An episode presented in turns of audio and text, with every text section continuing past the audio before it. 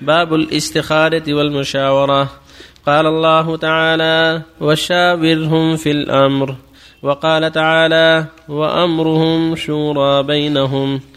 أي يتشاورون بينهم فيه. عن جابر رضي الله عنه قال كان رسول الله صلى الله عليه وسلم يعلمنا الاستخارة في الأمور كلها كالسورة من القرآن.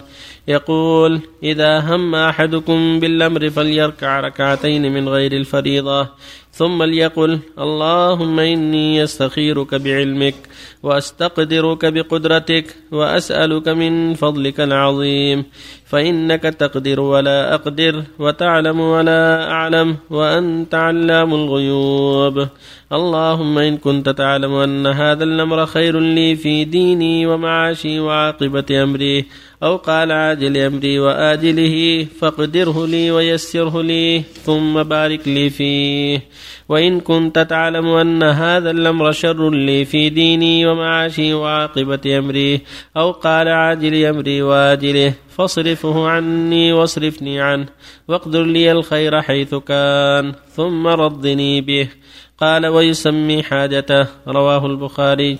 باب استحباب الذهاب إلى العيد وعيادة المريض والحج والغزو والجنازة ونحوها من طريق والرجوع من طريق آخر لتكثير مواضع العبادة. عن جابر رضي الله عنه قال كان النبي صلى الله عليه وسلم إذا كان يوم عيد خالف الطريق.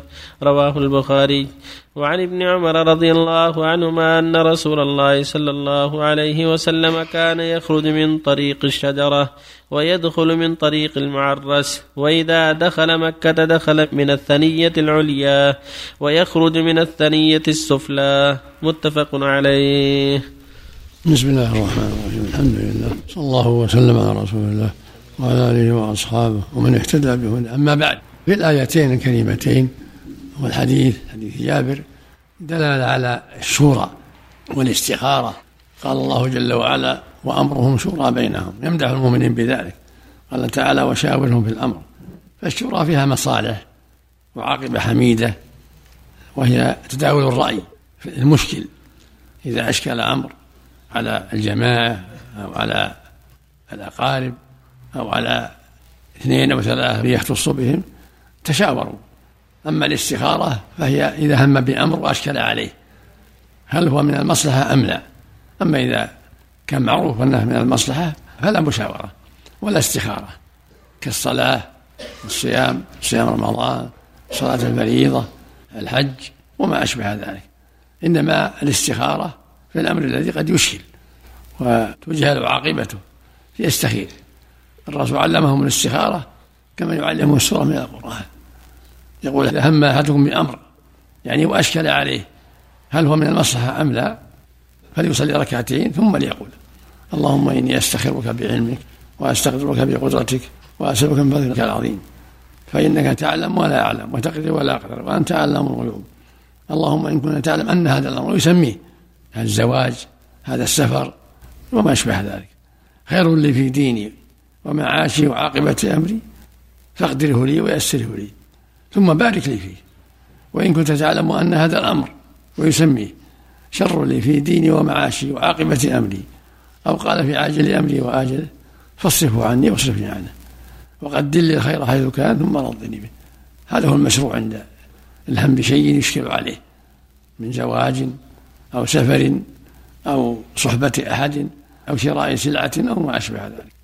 وبالحديث الثاني والثالث دلالة على شرعية الخروج العبادة من طريق والرجوع من طريق آخر.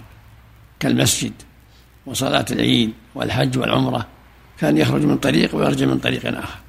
لتكثير الخطى والشواهد من البقاع تشهد له البقاع التي يمر بها في هذه العبادة.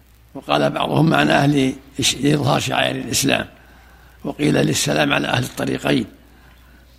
فالمقصود أنه يشرع أن يذهب من طريق مثل الصلاة صلاة الفريضة أو صلاة العيد أو الحج ويرجع من طريق آخر. وفق الله جميعا. استخارة قبل السلام أو بعد السلام؟ بعد السلام. هذا المشروع. قال ثم صلى ركعتين ثم يقول. الله إليك. أسباب التوكل. من أسباب حصول الحاجة على الوجه المطلوب.